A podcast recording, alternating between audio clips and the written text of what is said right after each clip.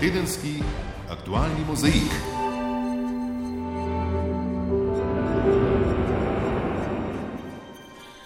Spoštovane poslušalke, cenjeni poslušalci, lepo pozdravljeni v tokratnem pregledu dogajanja v minulem tednu doma in po svetu.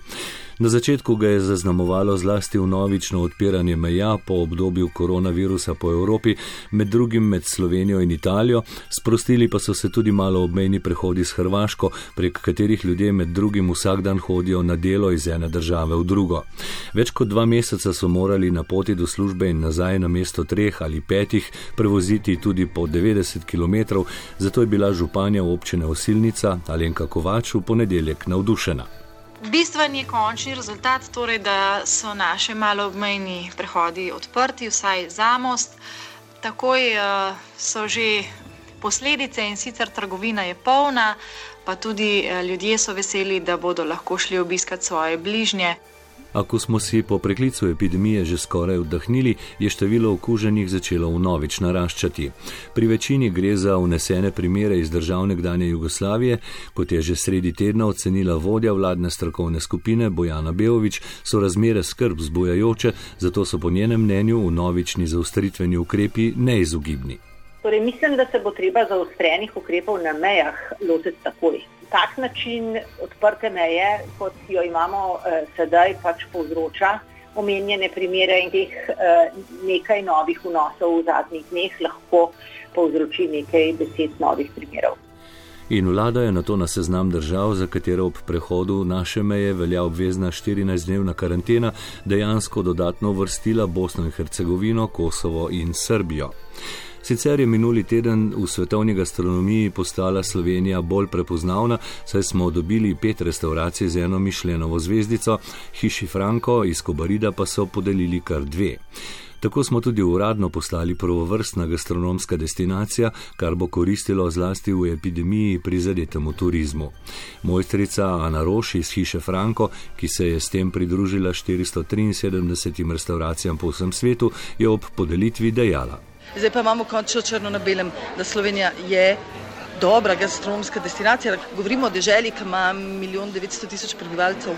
In uh, poleg tega vem, da je na tisti listi spodaj še toliko kandidatov za zvezdice, da bojo drugo leto še velika presenečenja. Tako da je resnično, hvala Bogu, pravi čas. Ker dejansko ne turizmu, ne gostinstvu ni enostavno ta trenutek. In zato res hvala za to, kar se je zgodilo danes, ker je bilo skoraj nujno potrebno. Državni zbor na torkovem tajnem glasovanju ni potrdil Andraža Terška za ustavnega sodnika. Njegovo imenovanje je podprlo 42 poslancev, torej štirje premalo. Teršek je ob neizvolitvi dejal. Jaz takega dogajanja ne spremljam s te vrste čustvi, razočaranja. Eh, pač, če bi bil izvoljen, bi opravljal svoje delo v malce drugačni obliki, z več moči, z, z več vpliva, ko se bom pa vrnil, vrnil do sedanjemu delu. In zdaj je na potezi spet predsednik republike Borod Pahor, ki je že napovedal takojšen začetek postopka iskanja novih kandidatov.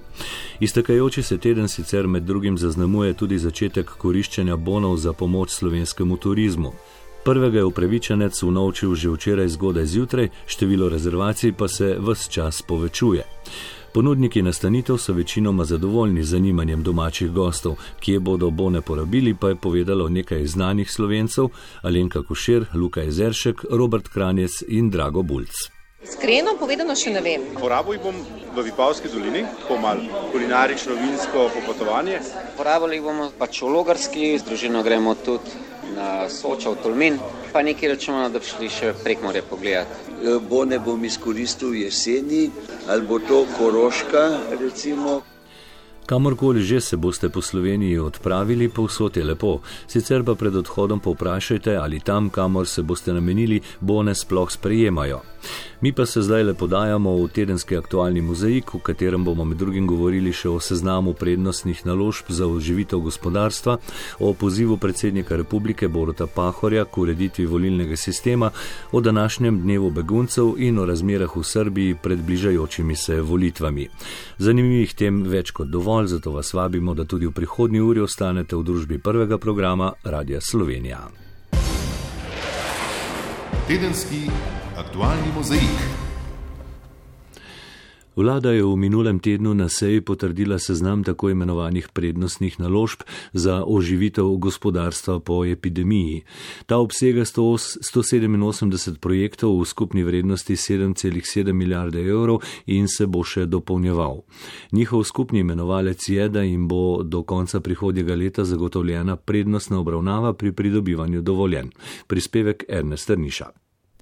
Vlada verjame, da bo interventna zakonodaja za odpravo ovir pri izvedbi investicij, ki vključuje seznam prednostnih investicij, gospodarstvu pomagala iz krize, ki jo je povzročila epidemija. Ohranitev delovnih mest in odpiranje novih ni predvideno le v gradbeništvu, ampak tudi v ostalih panogah, kot so trgovina, promet in gostinstvo. Seznam še ni dokončen, pojasnjuje ministr za okolje in prostor Andrej Vizjak. Torej, ta seznam je kar dolg, zajema 187 eh, investicij in je to, bi rekel, živa stvar. Ta seznam bo vlada gotovo še osvežila pred počitnicami, še z morebitnimi novimi investicijami in tudi z dopolnitvijo seznama v smislu podatkov. Prav tako ni dokončen znesek 7,7 milijarde, saj vsi projekti na seznamu niti niso ocenjeni. Sicer pa je razrez nekako takšen. 22 projektov je na področju okolja v skupni znesku približno 310 milijonov evrov, na področju energetike 19 projektov v vrednosti 650 milijonov evrov, zelo veliko projektov je z področja prometa v skupni vrednosti 4 milijarde in pol, potem pa tudi na področju regionalnega razvoja, kamor smo združili tudi vse projekte z področja zdravstva, šolstva, kulture in uh, drugih področji, tega je pa za preko 2 milijarde evrov. Večina investicij je dolgo pričakovanih. Med njimi so take z zaprto finančno konstrukcijo, ker se dela lahko pričnejo že letos, denimo prvi del tretje razvojne osi ali prihodnje leto, denimo plinsko parna enota Ljubljanske toplarne. Tu so take, kjer se je v preteklosti zapletlo zaradi pritožb, denimo hidroelektrarna Mokrice. In osnovni namen interventne zakonodaje, katere del je ta seznam, je seveda ravno pospešenje postopkov. Izdajanje mnen mnen soglasi dovoljen bo potekalo prednostno. Oznako nujno in prednostno bodo imele te naložbe v morebitnih sodnih postopkih. Vse projekte, kjer naj bi gradnja stekla do konca prihodnjega leta, bo v integralnem postopku mogoče graditi že z dokončnim in ne nujno s pravnomočnim gradbenim dovoljenjem, kar pomeni, da pritožba odpade, mogoče bo sprožiti upravni spor, a v tem bo že lahko stekla tudi gradnja. Vrnimo se k seznamu, ki se bere kot dolg spisek lepih želja na njem. So številne cestne in železniške povezave in njihove rekonstrukcije, tudi Tivolski lok in potniški center Ljubljana, pa domovi za starejše, nova infekcijska klinika, NUK 2, nove stavbe fakultet, stanovanski projekti in še in še. Tu je drugi tir divača Koper, za katerega družba 2TDK ni želela, da bi se znašel na seznamu, saj bo to vladi omogočilo, da razpis ponovi. Tu je tudi drugi blok krške nuklearke. Minister Vizjak na vprašanje, kako da se je ta znašel na interventnem seznamu, odgovarja. Je bil ta projekt umeščen v seznam državnih pomembnih projektov že leta 2006, ko smo sprejeli resolucijo o nacionalno pomembnih projektih. Je pa končno potrebno v tej državi začeti postopke umeščanja v prostor. To gre za odločitev, ki je pomembna tudi za vse načrtovalce, kajti tudi ti so pomembni za zagon ekonomije. Kako dolga bo dejansko pot do izvedbe vsakega posamičnega projekta, pa seveda ne bo odvisno toliko od delovne skupine, ki bo presojala prednostni vrstni red projektov, za katere je denar že zagotovljen, temveč od tega, kje bomo našli sredstva za ostale.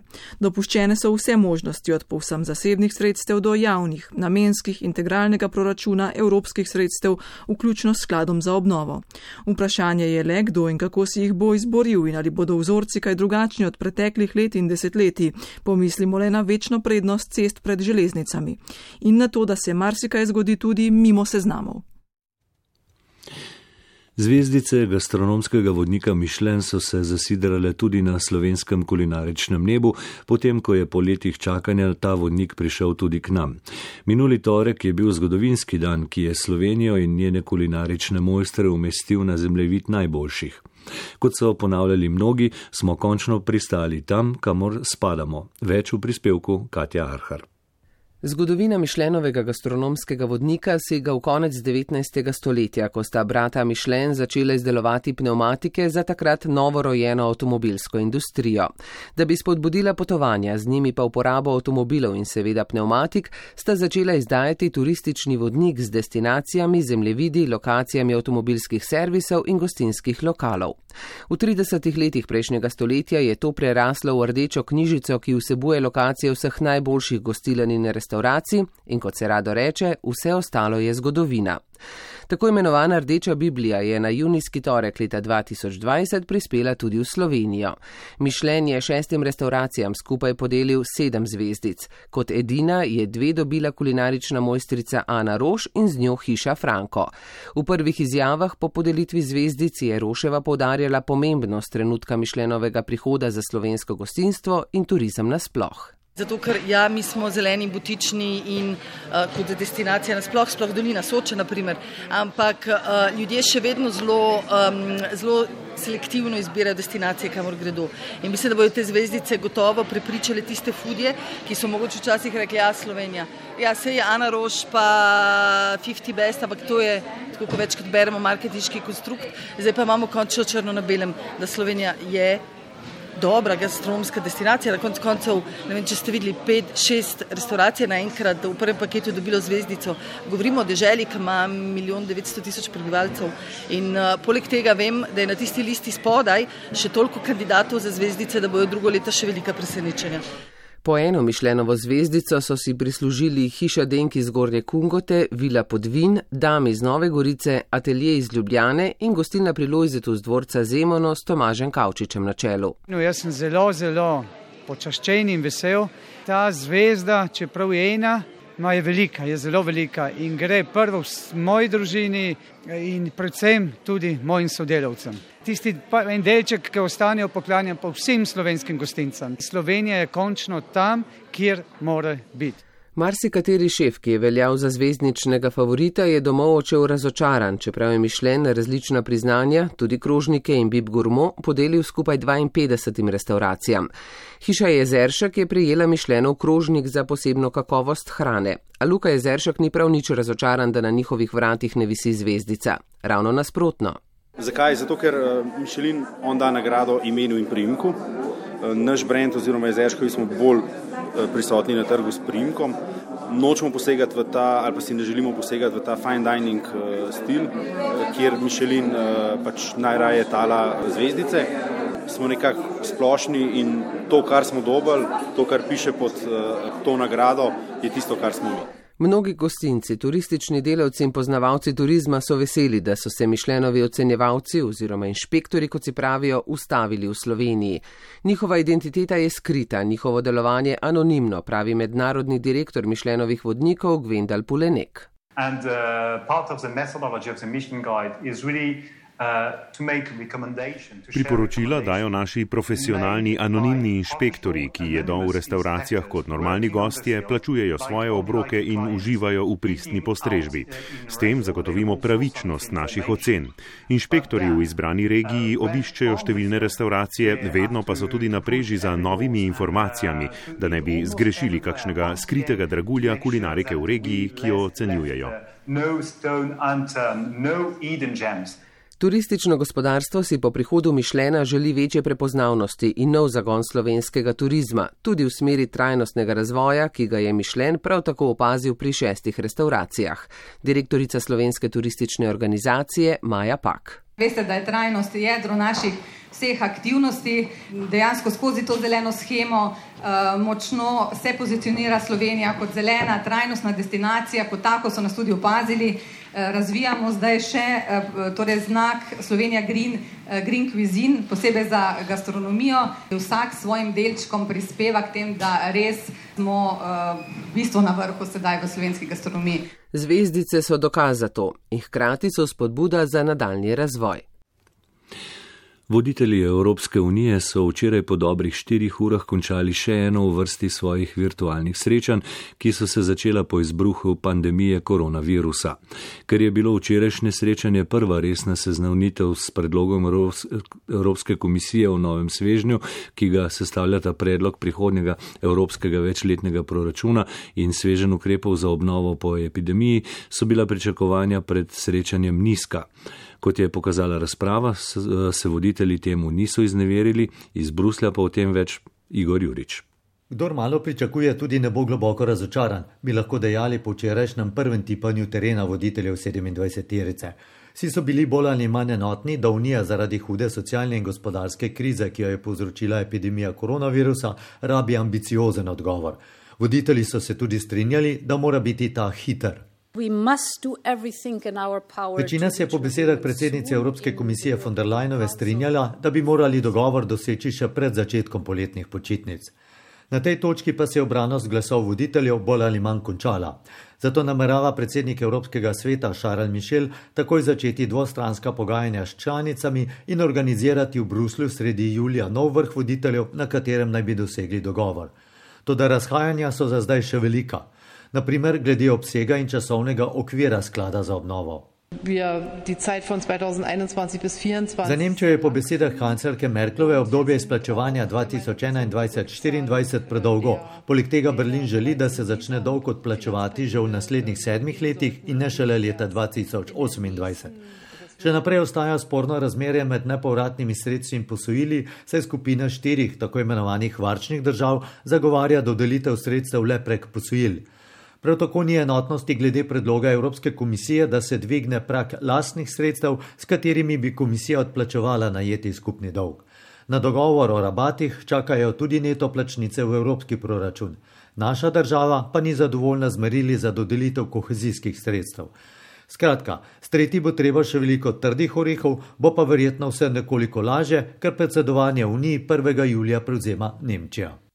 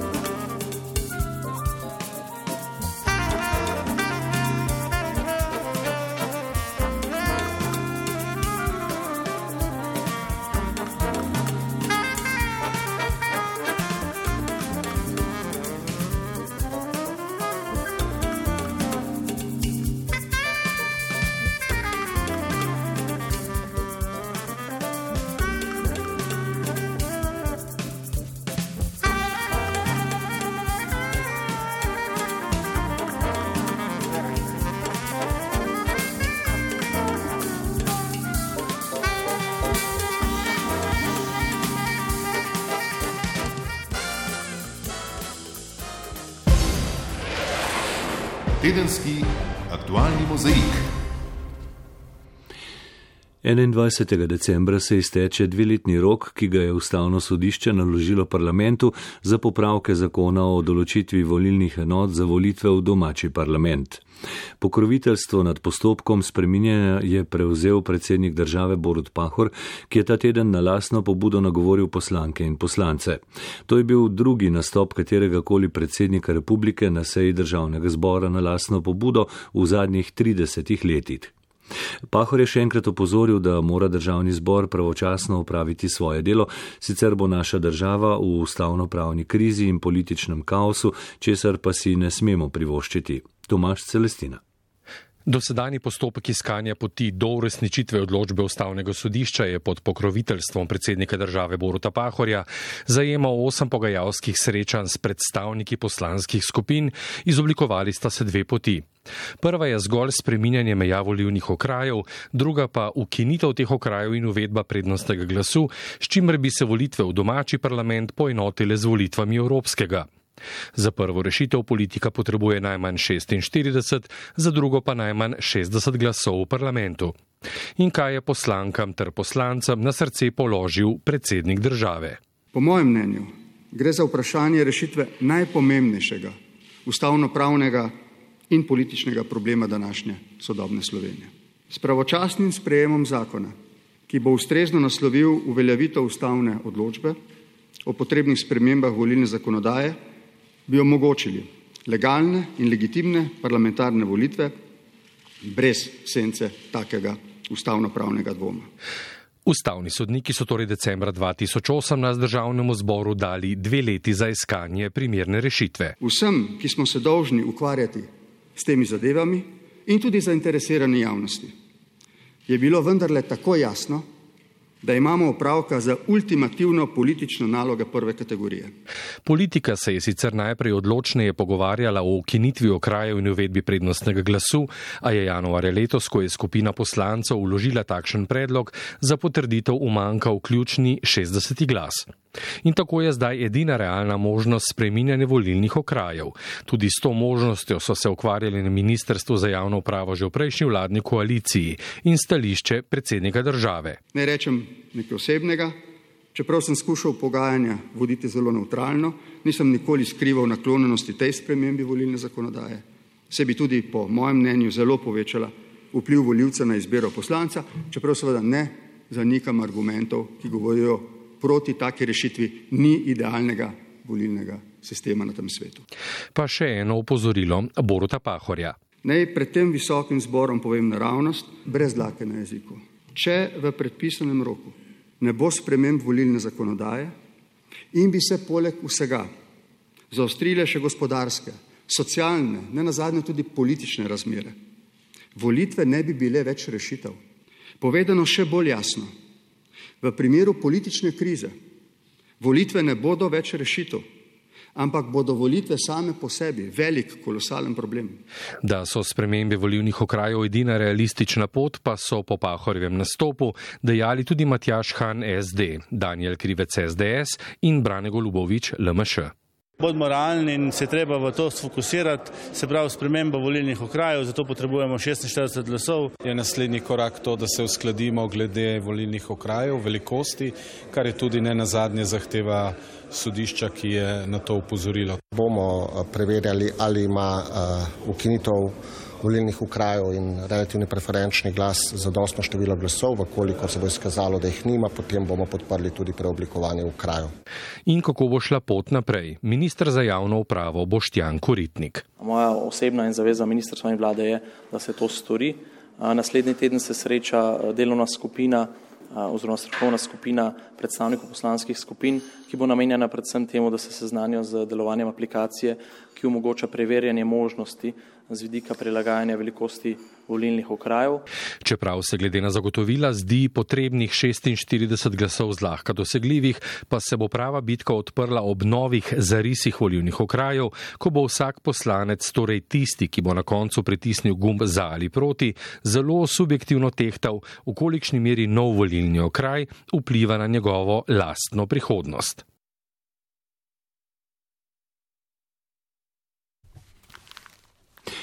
Po podatkih Organizacije Združenih narodov je na svetu trenutno približno 80 milijonov beguncev in notranje razseljenih ljudi, med njimi tudi veliko otrok. Države, ki sprejmajo največ beguncev, so Turčija, Pakistan, Uganda, Sudan in Nemčija. Vse več ljudi si zatočišče pred vojnami, konflikti ali lakoto poišče tudi pri nas.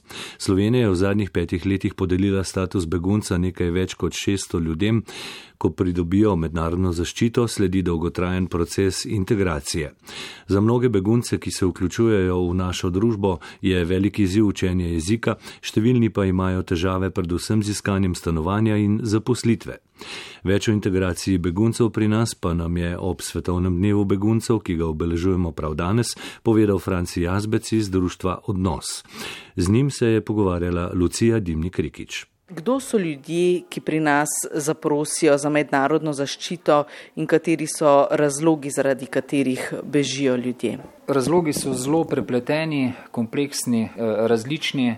Vsak človek ima svojo zgodbo, prihajajo pa ljudje iz različnih držav, iz različnih kulturnih okolij, prihajajo iz vojnih razmer, prihajajo nekateri iz revščine, prihajajo uh, zaradi tudi okoljskih sprememb že, prihajajo zaradi različnih kriz v svetu, konfliktnih situacij. Vsak od njih ima svoj uh, razlog, noveden svoj, svojega domova ne zapusti prostovoljno, ampak zaradi tega, ker je v to prisiljen. Kako te te ljudi, ki bežijo pred vojno, nasiljem ali lakoto, sprejme Slovenija, kakšni so pogoji za uspešno vključevanje v družbo pri nas? V Slovenija je v zadnjih letih eh, precej, bom rekel, razvijala tudi uh, integracijski eh, sistem na različnih področjih za, za čim hitrejše vključevanje teh ljudi v slovensko družbo, tako kar se tiče izobraževanja, zdravstveni sistem, socialni sistem, trg dela. Vse te, eh, vsi ti segmenti so med sabo povezani in uh, morajo sodelovati za to, da ta integracijski sistem deluje. Je pa res, da se je število ljudi v zadnjih letih vendarle tudi v Sloveniji povečalo, čeprav v primerjavi z drugimi evropskimi državami ta številka še vedno zelo majhna, tudi glede na naše kapacitete. Ampak dejstvo je, da je integracija nek večplasten dvostranski proces, kjer mora oseba sodelovati za begunsko izkušnjo hkrati pa vsi drugi deležniki, javne ustanove, nevladne organizacije, najemodajalci, delodajalci in tako naprej. Mogoče tukaj vprašanje, ne? Katere so največje težave, s katerimi se soočajo ljudje, ki pri nas eh, poiščejo zatočišče? Seveda, najprej, ko je potrebno eh, zapustiti azilni dom, ko dobijo mednarodno zaščito, kajti v času eh, postopka za priznanje te zaščite so nastanjeni v azilnem domu, ko pa pridejo v družbo, je pa eden od velikih izzivov nastanitev. Še vedno je težko najti primerno nastanitev, ker primerno nastanitev pomeni cenovno primerna, bivansko primerna, primerna za posameznike, primerna za družine. Izzivi so tako pri nastanitvah, pri vključevanju na trg dela. V zadnjem času pa je zelo velik, eh, bom rekel, že kar kronični problem dostop do zdravstvene oskrbe, ki jo ti ljudje nujno potrebujejo. Govorimo o ranljivi skupini prebivalstva in eh, tle se tudi mi srečujemo z ovirami, kajti zdravniki v Ljubljani in okolici ne sprejemajo novih pacijentov.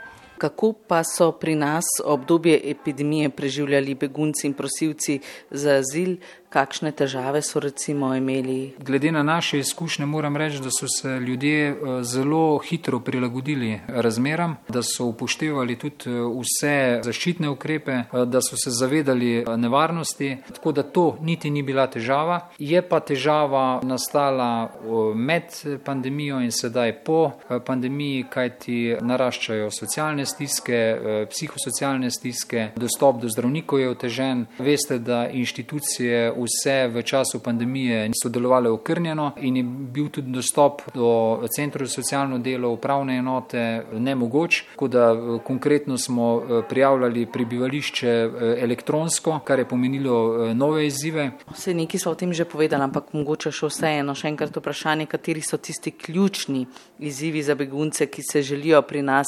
integrirati. Ne? Verjetno je za marsikoga tudi um, jezik precej velika ovira, preden se lahko um, konkretno začne vključevati v družbo. Ja, jezik je seveda zelo pomemben. Mi vsi pričakujemo, da bodo ti ljudje, ki prihajajo iz različnih kultur, z različno predizobrazbo, zelo hitro napredovali v znanju slovenskega jezika, vendar je potrebno vedeti in upoštevati, da uh, imamo kot posamezniki vsi različne zmožnosti, tudi učenja. Mnogi od teh ljudi so bili traumatizirani, soočajo z psihosocialnimi stiskami in tako naprej, se težko učijo. Nekateri zelo hitro tudi eh, govorijo slovenski jezik. Eh, vsi eh, osebe, ki dobijo status mednarodne zaščite, imajo 300 ur tečaja slovenskega jezika, plus dodatnih 100 ur, če želijo. Zelo pomembno je to, da se omogoči kontinuirano učenje jezika tudi v praksi, skozi skupinske integracijske in individualne integracijske aktivnosti in skozi možnost usposabljanja na delovnem mestu, kjer so ljudje v skupnosti, kjer so med ljudmi in tudi iz prakse vidimo, da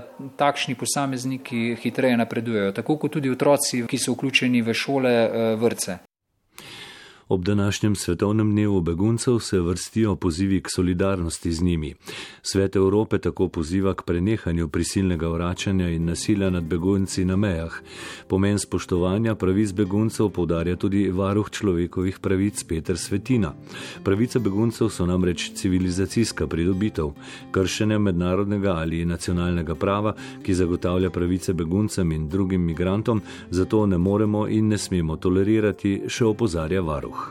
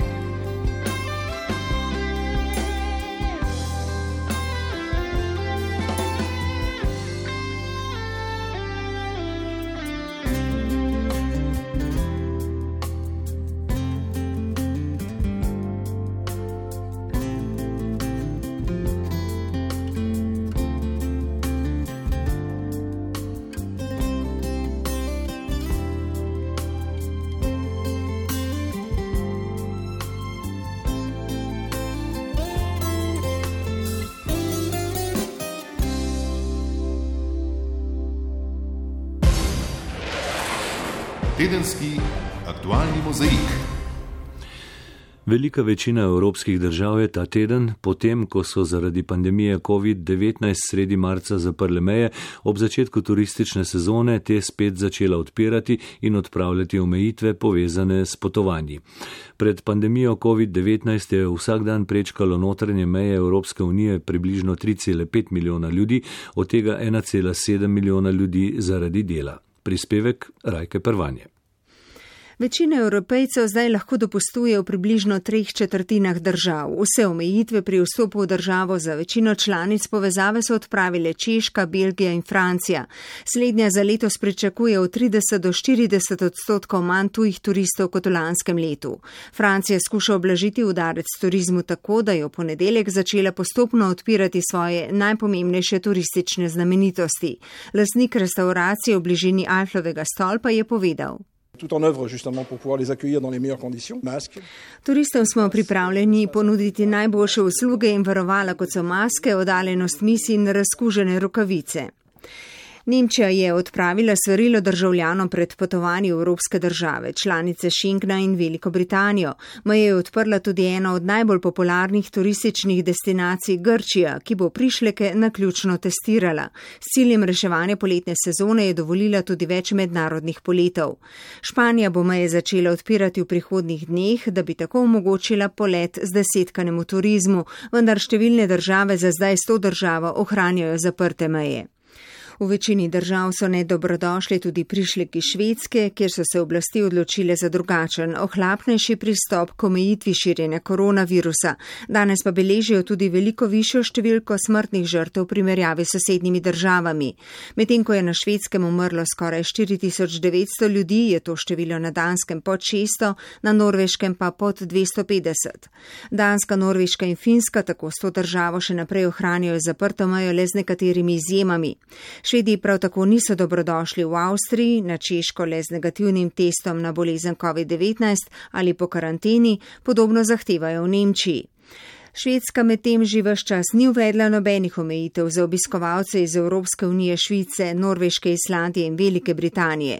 Švedska in Poljska sta sicer edini državi v uniji, ki še nista dosegli vrhunca bolezni. V torek sta med sebojno mejo brez omejitev s karanteno odprli tudi sosednji Avstrija in Italija. Lasnik trgovine z oblačili v bližini mejnega prehoda Brenner se je tega zelo razveselil. Also, es fällt uns ein Riesenstein vom Herzen, dass endlich wieder aufgemacht wurde. Z ramen nam je padlo veliko breme in kamen srca, ko se je spet odprla meja. Za nami je zelo črno obdobje, saj nihče ni smel priti iz Italije, čeprav je le 50 metrov oddaljena. Prav tako niso prišli Avstrici, saj si niso mogli privoščiti kavice v Brennerju in tako niso imeli interesa, da bi se sploh odpravili na vožnjo z avtomobilom v to smer. Slovenija med 24 držav, ki jih v luči novega koronavirusa vidi kot varne, dovoljuje prehajanje državne meje brez omejitev prebivalcem vseh sosednjih držav Danske, Luksemburga, Malte, Španije, Irske, Francije. Včeraj pa je naša država zaradi strahu pred drugim valom bolezni razširila seznam držav s poslabšano epidemiološko sliko. Tako je za prišleke iz Bosne in Hercegovine, Kosova in Srbije ponovem obvezna 14-dnevna karantena, slovenskim državljanom pa je odsvetovano potovanje v ti državi države. Na rdečem seznamu pri nas so sicer med drugim še Severna Makedonija, Švedska, Velika Britanija, Združene države Amerike, Rusija in Iran.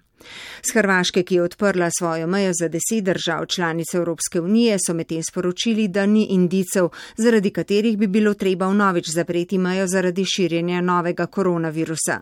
V kratkem naj bi tudi pripravili podrobna navodila za postopke v primeru, če bodo primere okužb z novim koronavirusom zasledili med turisti. Evropska unija je sicer prejšnji teden državam članicam priporočila naj s 1. julijem začnejo postopoma odpirati zunanje meje Evropske unije. V Srbiji bodo jutri potekale parlamentarne in lokalne volitve, ki so jih zaradi pandemije koronavirusa predstavili z konca aprila. Zmagovalec je znan, to bo koalicija zbrana okrog srpske napredne stranke, prvo ime liste pa bo Aleksandar Vučić, ki se kljub predsedniškemu položaju ni poslovil z vrha stranke. Obeta se mu absolutna večina, medtem ko bo del opozicije združen v Zvezo za Srbijo volitve, kot pravijo, zaradi nepravičnih in nedemokratičnih razmer bojkotiral. Prispevek Boštjana Anžina. Volitve bodo potekale kljub kritikam, da bi lahko število novih okužb še bolj naraslo. Pristojni ustrajajo, da so razmere pod nadzorom, nevarnost prenosa na voliščih majhna, ustava pa da ne omogoča nove preložitve. Ljudi, ki dolaze na izbore, veoma kratko se zadržavajo in Ljudje, ki bodo prihajali voliti, tam ne bodo dolgo. Govorili bodo z ljudmi, ki bodo nosili zaščitno masko, tako da prenos virusa ne bo mogoč. Ključno politično vprašanje pa je, ali bodo ljudje podprli naše delo preteklih štirih let in povedali, ali so zadovoljni, sporoča Aleksandar Vučić, ki je zabrisal meje med predsedniško in strankarsko funkcijo. V spredju niso programi, spet zelo aktualno Kosovo, odnosi z Unijo, Kitajsko ali Rusijo, ampak splošne obljube o boljšem življenju, medsebojni napadi, obtožbe. Srbi volijo predvsem osebnosti in opozicija pravega vodje brez nahrbtnika nima. Vučić pravi, da so se dokazali z napredkom, investicijami, ugledom v svetu, zato ob trenutni povprečni plači 500 evrov. Nekima deluje kao lako dato obećanje. Nekaterim se to zdi lahkotno dana obljuba, jaz trdim, da bomo imeli v Srbiji leta 2025 povprečno plačo 900 evrov. Pomembno je le, da delamo in ne opustimo reformnega procesa. Na drugi strani je razdrobljena opozicija. Del Združeno zvezo za Srbijo ustraja pri bojkotu. Tam govorijo, da so volitve le Vučičeva predstava, da živijo v državi brez demokracije, svobode medijev, delujočih institucij, v korupciji, da vladajoči politiki zatirajo vsako kritiko. Smatramo, da so ti izbori nedemokratski, da so protivustavni. Menimo, da so te volitve nedemokratične, protiustavne in zdravstveno nevarne, saj pandemija, ki jo je režim izkoristil, še traja.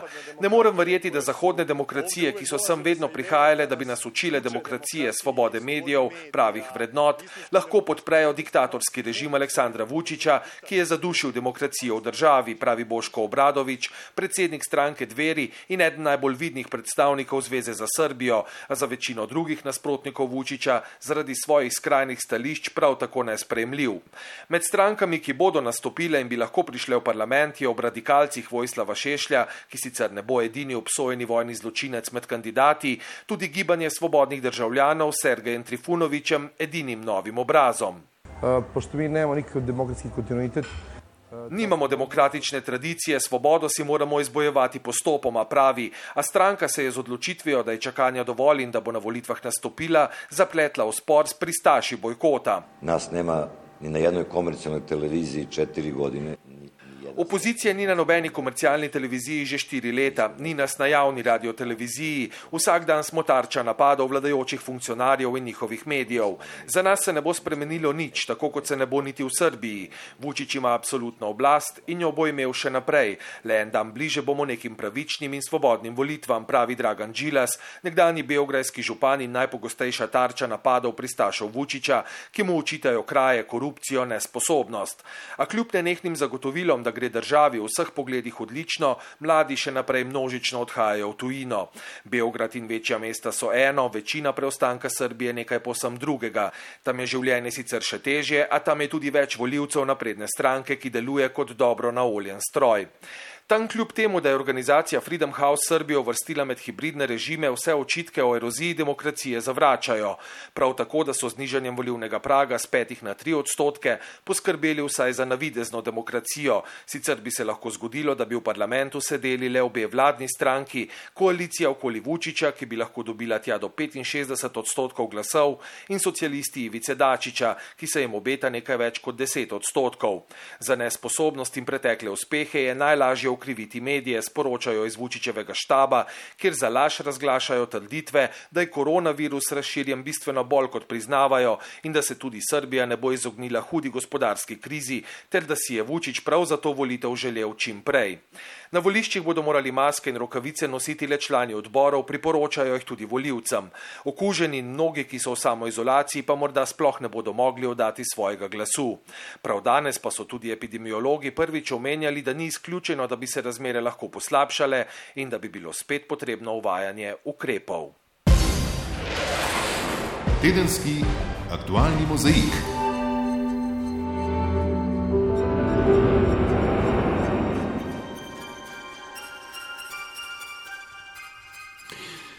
Preden se poslovimo, poglejmo še, kaj vse se bo dogajalo prihodnji teden.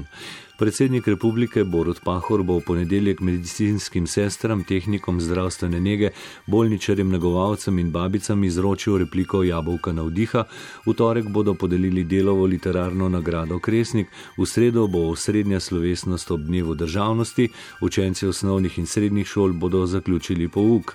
V četrtek bomo obeležili dan državnosti, v petek pa bodo na osrednji slovesnosti ob dnevu policije podelili medalje za hrabrost in požrtovalnost realnost. Napovejmo še temo ponedeljkovega studia ob 17. V njem bomo govorili o vrhuncu planinske sezone, težavah oskrbnikov zaradi epidemije in uporabnosti turističnih bonov, ki smo jih prejeli od države. V današnjem tedenskem mozaiku pa je to vse. Poleg kolegic in kolegov novinarjev, ki so pripravili aktualne prispevke, smo ga oblikovali še urednica Erika Štular, tonska mojstra Jon Črgan in Gorast Pompe ter voditelj Marko Škrl, ki vam v imenu vseh želim lep in miren večer.